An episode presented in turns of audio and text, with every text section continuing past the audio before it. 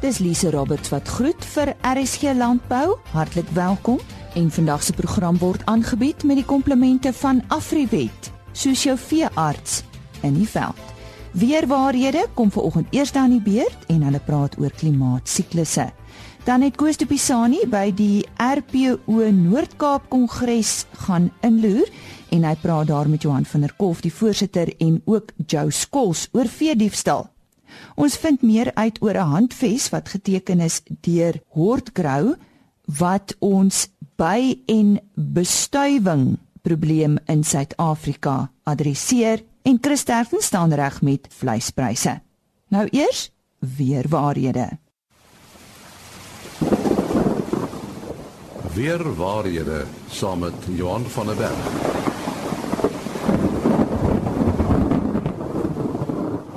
Ja, soos jy gehoor het, weer waarhede en uh, ons praat met Johan van der Berg van Santam Landbou. Ons gaan uh, vanoggend praat oor klimaatsiklusse en reënval. Wat bedoel jy daarmee, Johan? Ja, as 'n mens na siklus kyk, dan gaan dit eintlik oor die herhaalbaarheid van sekere gebeure. En daar is siklusse in die natuur en ons weet daar's eintlik baie siklusse en dit is waar die probleem by kom is dat die verskillende siklusse uh beïnvloed mekaar en op die ou end is daar nie meer een siklus nie maar word dit uitgestryk of dit kan 'n sameloop van omstandighede van 'n klomp siklusse wees wat 'n ekstreem kan veroorsaak. So as mense bietjie na die langer termyn kyk, uh die klimaatdata of die temperatuurdata wat hulle geëkstrapoleer het in die pole waar hulle die yskerne geboor het vir 'n hele paar honderd duisend jaar terug kon hulle dit terugspoor en dis soos jaarringe in 'n boom uh, kon hulle warmer en kouer periodes gaan gaan identifiseer. En vir die laaste half miljoen jaar gegrond op hierdie inligting was daar omtrent so elke 100 tot 120 000 jaar uh was daar 'n warm periode en dan dit weer afgekoel en 'n uh, kouer periode tussenin veroorsaak. As jy mens 'n bietjie nader kyk, is daar ook so oor die laaste 4 4 en 'n half duisend jaar was daar ten minste 4 warmer tydperke en 4 kouer tydperke of mini ystydperke. En hulle het gevarieer so tussen 300 en 500 jaar lank. Uh en soos ons nou kan dink is ons tans uh in die warm gedeelte of in een van die warm siklusse. Maar ons is lyk vir my as mense gaan kyk redelik naby aan die piek.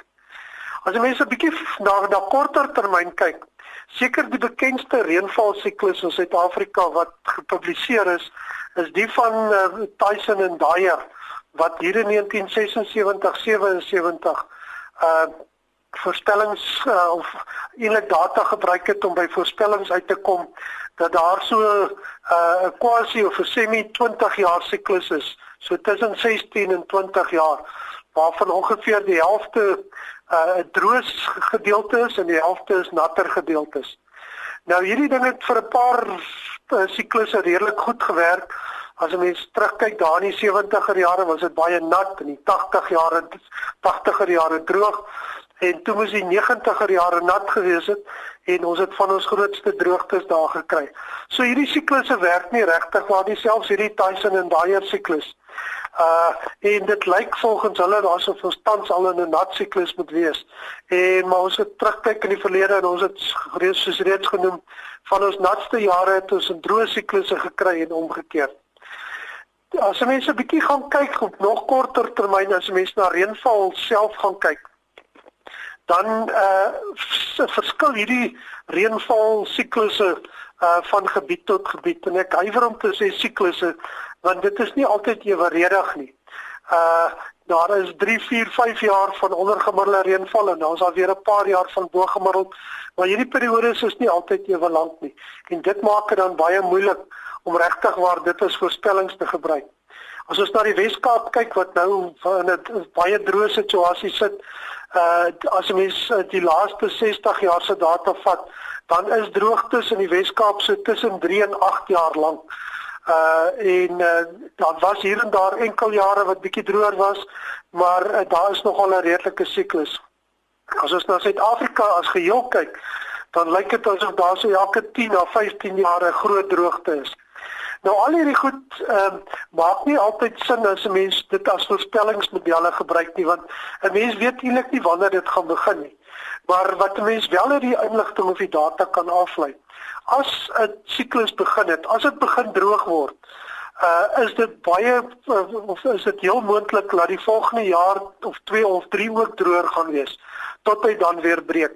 So ek dink dit is omtrent die enigste afleiding wat 'n mens uit hierdie siklusse kan maak is om dan te sê maar uh, dit lyk asof dit nou in 'n droë jaar is en dat die siklus van nou af gaan begin. Wat interessant is, ek het al laas toe ons oor die sonvlekke gepraat het, uh was daar ook of daar's 'n baie reëlmatige siklus, die sonvlek siklus van omtrent so 11 jaar van so 5, 6 jaar van toenemende aktiwiteit en 5, 6 jaar van afnemende aktiwiteit.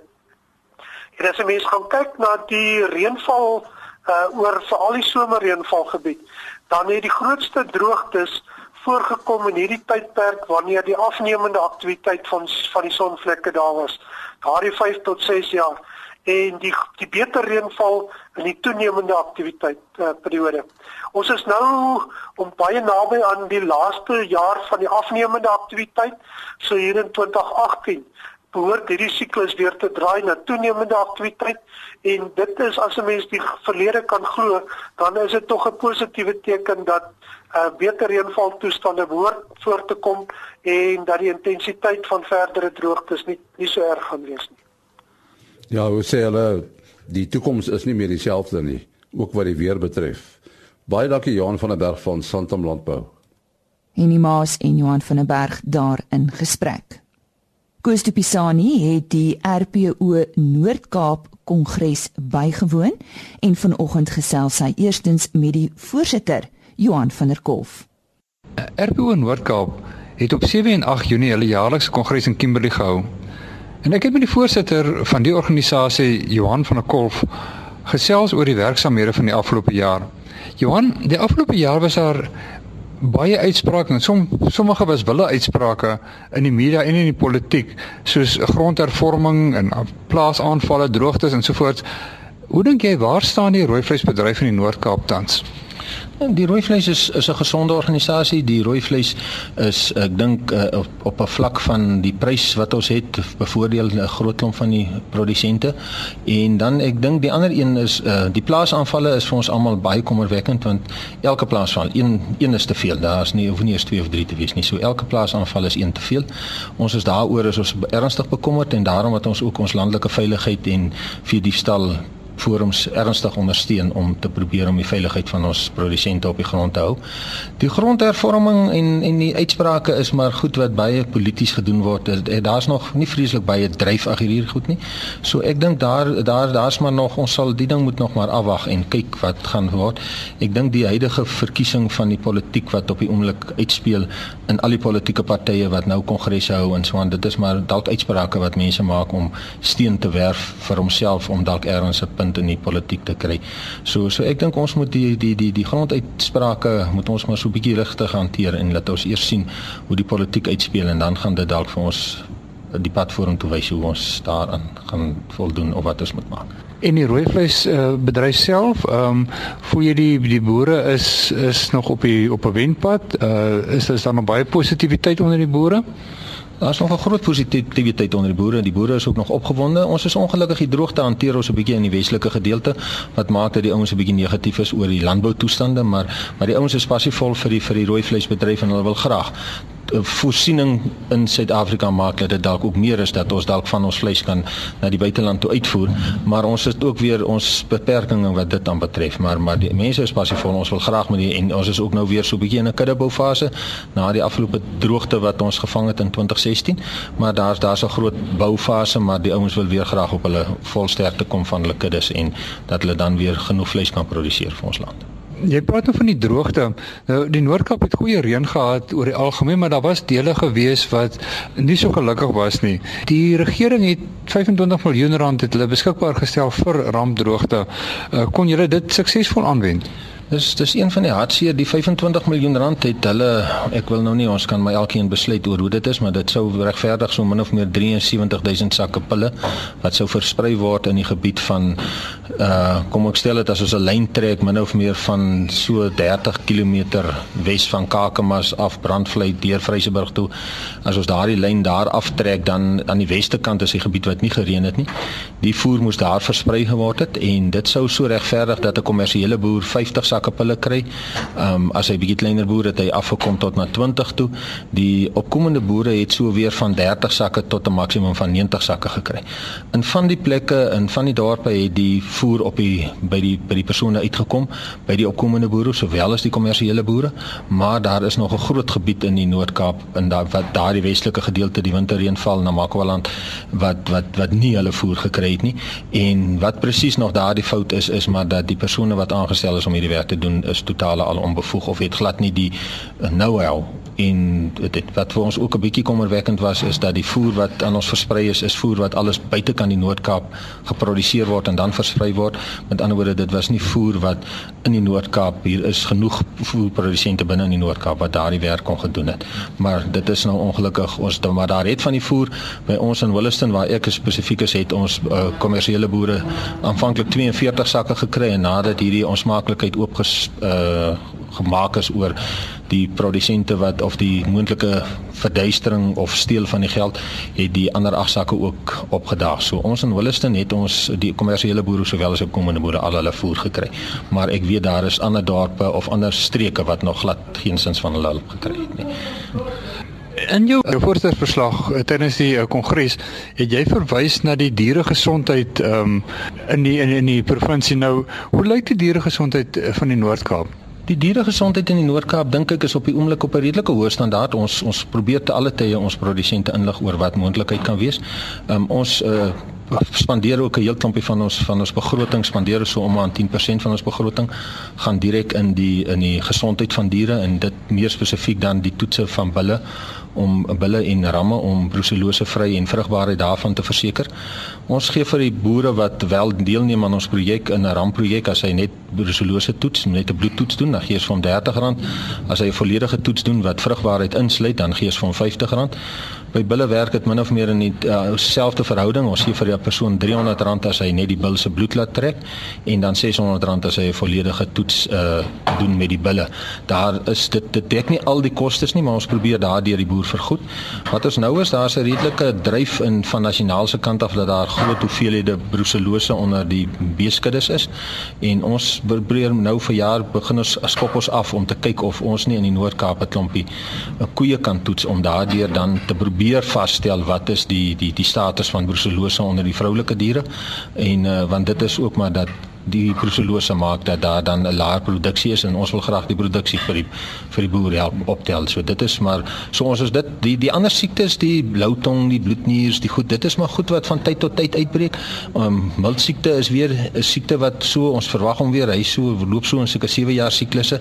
So ons is so hy is weer so in die in die in die prentjie, maar almal sê daar was vir jaar geensins uitbraak nie en ook almal is dat die, die alhoewel dit lekker gereën het in die na, laat najaar is daar was daar goeie reën, 'n goeie veiding en so aan, maar daar was eintlik min siektes. Ons is op die oomblik baie gelukkig wat siektes aanbetref in die Noord-Kaap.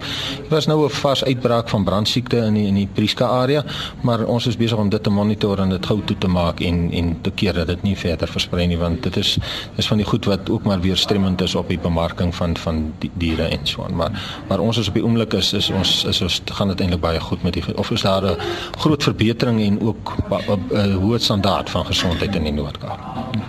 Um, as ek nou net kan terugkom na die na die briselose projek um, van julle, um, wat gaan julle met die inligting maak as julle dit nou uh, ingesamel het? Ons wil graag die inligting wil ons graag ehm um, gebruik om dalk vir die regering of dan nou vir die, dis, die departement landbou te sê is ehm um, is ons is hulle dalk misplaas gewees met die hoeveelheid brucellose wat daar is of is dit werklik so ernstig soos wat dit gesê word? En en ons het ook gedink dat ons dalk hierdie projek kan uitbrei as ons uh, van ander plekke af geld kry om dalk die projek uit te brei en dalk later die die inligting wat ons het bekend te maak en soveel sodat ons dalk 'n M-graad student kan kry om 'n verhandeling daaroor te doen en dat ons dan kyk of ons nie die Brussels ouers die hele Brussels storie wat onderskaap sowel as nou onder bees is dat ons dit probeer in die hok sit en dat ons hierdie goed emuleer want dit uh, dit gaan dalk weer maak dat daar 'n volgende um, tekorte aan vleis kan kom en ook probleme kan veroorsaak. So so, so ons probeer dis hoekom ons maar probeer kyk waar ons kan help. Daar was is baie lank terug in die laat 80 of vroeg 80s was daar die laaste keer wat daar Dr. Willie Harris vir ons gesê het wat daar 'n uh, navorsing bietjie gedoen is oor Brucella. So ons ons wil graag hê dat ons hierdie Brucella storie sal daar bietjie nuwe navorsing moet kom en dat ons dalk seker maak of daar nie dalk ander toetse is wat gouer of baie makliker kan wees om sulke diere te identifiseer en hulle dalk dan op 'n manier uit te kry uit die uit die kuddes uit sodat hulle dat ons al meer gesonde kinders kan hê. Kyk, brucellose sover ek weet is dit 'n nasionale probleem. Nou uh, hoe vergelyk ehm um, die Noord-Kaap en die res van die van die land uh, se voorvalle? Uh, Dink jy hier kom meer voorvalle voor in die in die Noord-Kaap? Is dit hoekom julle dit so ernstige uh, projek maak? Ek ek ek wil nie sê hier kom meer voorvalle voor nie want ons het daar's nog nie definitiewe statistiek nie. Dis hoekom ons met die statistiek wil begin en soos ons sê daar's daar by uh, uh, Dr. Josef van Heerden het nou met 'n projek daar op die Kaapse Berg begin waar hy en 'n klompie boere daar bymekaar gekom het en gesê kom ons gaan toets mekaar of ons gaan toets die koeie om dan daar al te begin inligting insamel sodat 'n mens die inligting het. Die groot rede hoekom ons dalk in die Noord-Kaap meer nou klem daarop lê is omdat dit eh, 'n groot bydrae tot die binnelandse produk in in in die provinsie is.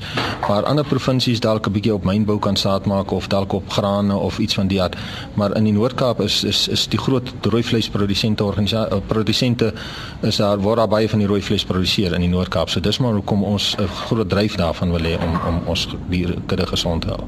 En net so laaste vraag, hoe hoe kan 'n boer te werk gaan as hy betrokke wil raak in hierdie projek? Kom ons die uh, projek werk vir ons op die oomblik dat ons gaan 'n persoon die die departement het vir ons gesê is as hulle die bloed kry dan toets hulle die bloed gratis. Met ander woorde die uh, produsent hoef nie daarvoor te betaal nie. Maar hy gaan wel moet betaal om die bloed in te samel. Met ander woorde die het sy diere gesondheidstegnikus of die veearts wat die bloed moet trek. Nou daarvoor wil ons 'n boer vergoed ons 'n boer R10 per koei sodat hy dan die daardie inligting vir ons kan en dan al wat ons dan graag wil hê is of hy nie wil vir ons dan die inligting gee nie. Ons gaan geen niemand se name bekend maak nie, niks nie. Ons wil net sê ons dis R30000 wat ons begroot daarvoor. Ons ons kan 3000 koeie in die Noord-Kaap toets. Behoort ons 'n goeie aanduiding te kry van hoeveel daar is, wat die persentasie is, is daar soveel koeie wat siek is soos wat daar dalk gesê word of is daar dalk nie soveel wat siek is nie. Maar dan het ons ons wil ook dalk probeer sê maar ons het sê nou maar 10 of 12 of 15 boere getoets. Daar was 3 of 5 wat glad heeltemal skoon was met ander woorde alles negatief is. Maar daar was daar boere wat positief is daar's een boer wat miskien baie groot positief is maar die ander is is met ander woorde die uitbraak is dalk by spesifieke boere dis nie so 'n groot uh, uitbraak nie. Daar is 'n enstof wat die uh, verse kan geënt word op 'n op 'n uh, 8 maande ouderdom. En dit is die, die stam stam 16 enstof is beskikbaar. So met ander woorde, ons doen ook 'n beroep op die boere om daardie doen die enstof, dis 'n verpligting wat eintlik op jou sit en daar's 'n klomp boere wat dit nie doen nie. Die enstof is beskikbaar en as jy die koeie geënt het, behoort die koeie nie brucella te uh, brucella te kry nie. So met ander woorde, um, ons ons ons ons daar is ons drywe dit ook dat die boere dit voorkomend moet optree. Dit moet nie genesend want daar is nie 'n genesing vir hierdie ding nie. Die enigste genesing is dat hy moet bloei. So en dit, dit is dalk ook iets wat ons wil graag hê. So kom ons vra dat die boere hierdie enstowwe gebruik om dan te voorkomend op te tree oor. Die voorsitter van die RPO Noord-Kaap, Johan van der Kolf, en so 'n bietjie later vanoggend gesels hy ook met die voorsitter van die Veediefstal Komitee, Joe Skols. Ek gesels ver oggend met die hoofbestuurder by Hortgrow, Hugh Campbell, oor 'n handves wat onlangs geteken is om ons baie bevolking te beskerm. Nou ons weet vir Hortgrow en vir enige vrugteboer is baie van skatbare waarde.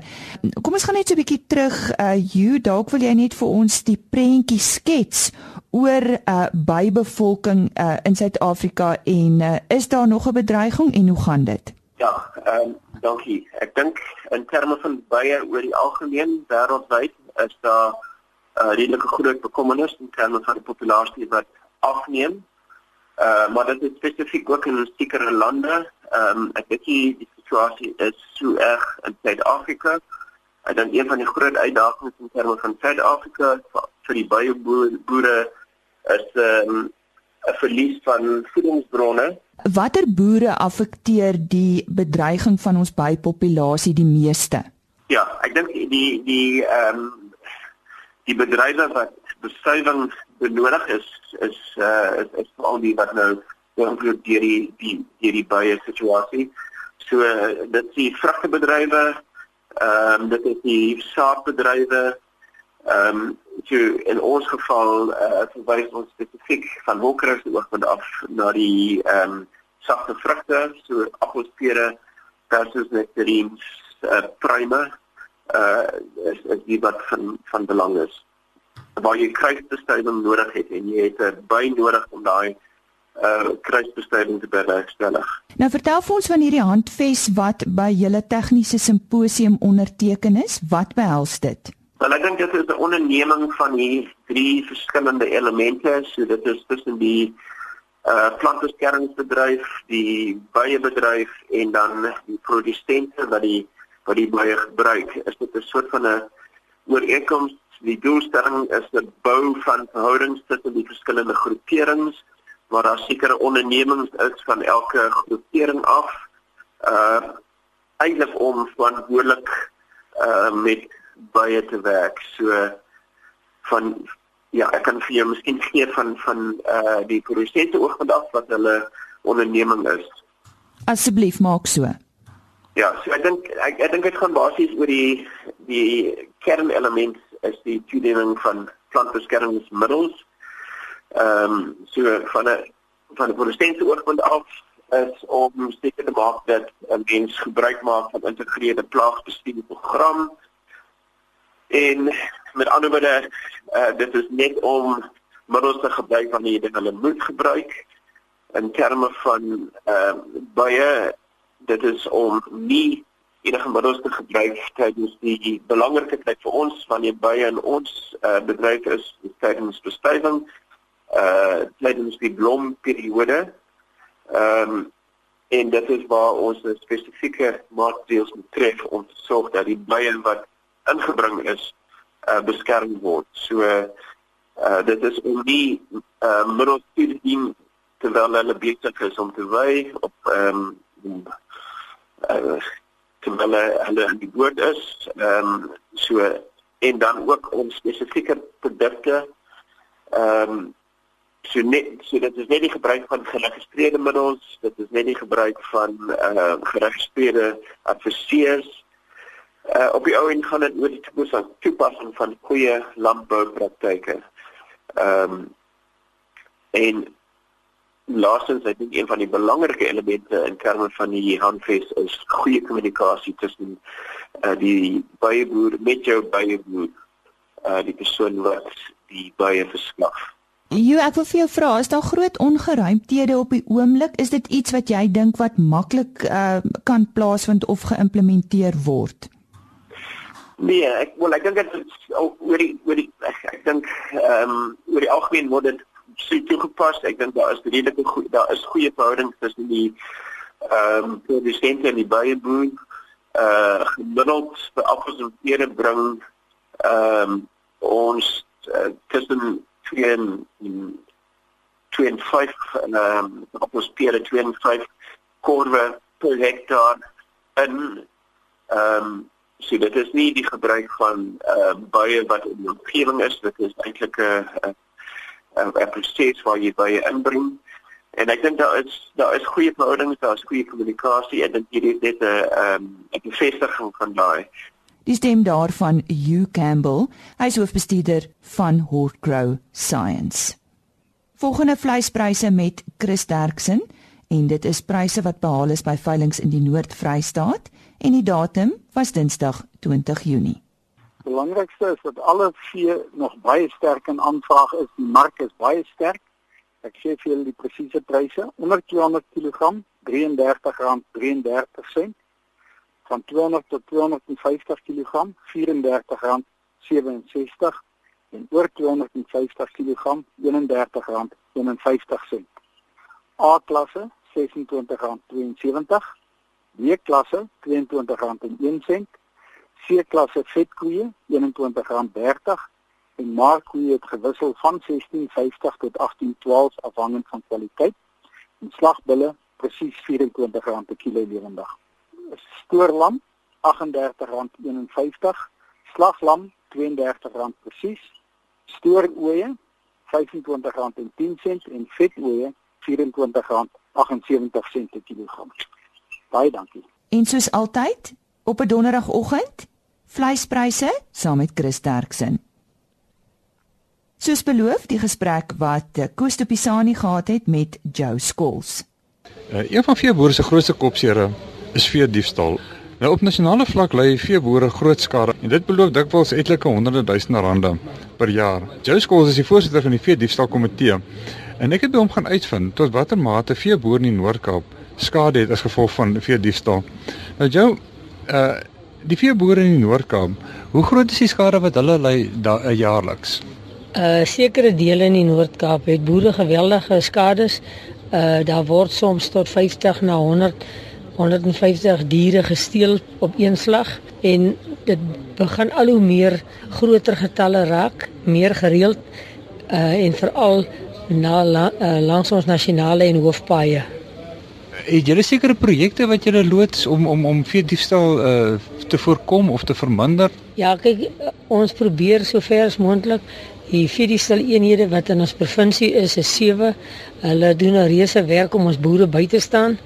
Uh as gevolg van ons provinsie se groot afstande en en uitgestrekte uh, gebiede, uh sukkel ons baie, maar Ons het ook uh, goeie kommunikasie na elke landbouvereniging waar boere uh, saamwerk om ook mekaar te help om uh, veediestal te beperk en uh, die plaaslike polisiestasies as die sake aangemeld word, gaan hulle so gou as moontlik na die toneel en hulle begin so lank met die toneel werk doen totdat die veediestal opdag. So ons probeer dat sodra 'n veediestal saak aangemeld is, dat die polisie derentyd op die toneel bly en met uh, toneel uh, werk om te kyk hoe gou ons moontlik die verdagtes in die hande kan kry of diere terug te kry vir vir die eienaars.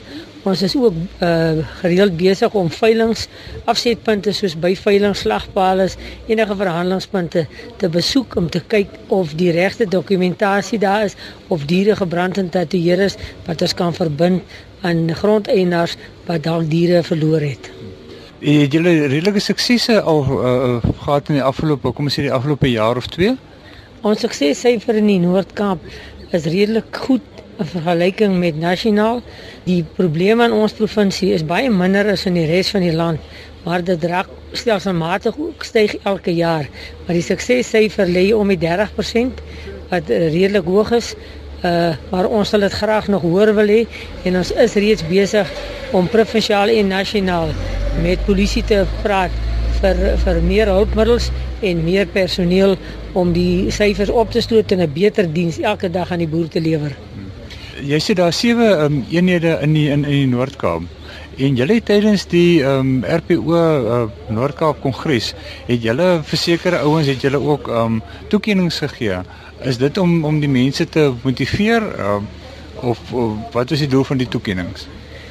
Ja, ons gee jaarliks twee toekenninge vir die Vierdiestal eenhede. Die eerste uh, uh toekenning is vir uh, die beste Vierdiestal eenheid. So ons probeer dat die bevelvoerder van 'n betrokke eenheid te motiveer om sy mense uh uh meer te motiveer om beter dienste te lewer sodat hulle eenheid ook 'n toekenning kan kry want jy weet polisiewerk is maar meestal 'n uh, on, uh, ondankbare werk en lang ure en ons probeer mense beloon vir dit wat hulle doen.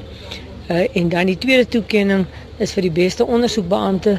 So die persoon wat op grondvlak sy sy in sy streek waar hy werk die beste diens lewer aan sy gemeenskap waar hy betrokke is en ook die meeste mense in die hof kan kry skuldig bevindings. Hy moet ook erkenning kry.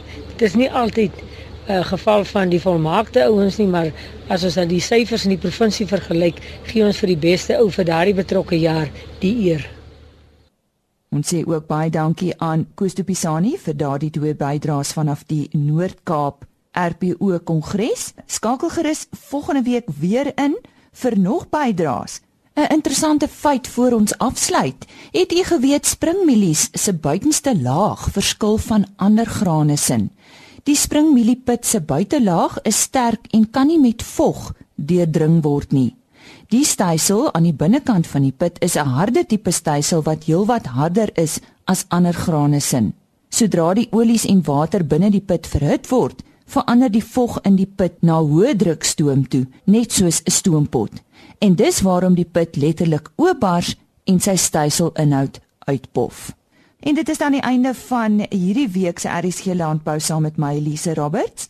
Vandag se program is natuurlik aangebied met die komplemente van Afriwet, like your vet in the field. Môreoggend om 4 voor 5 sal Chris Viljoen weer terug wees met RSG Landbou. Totsiens.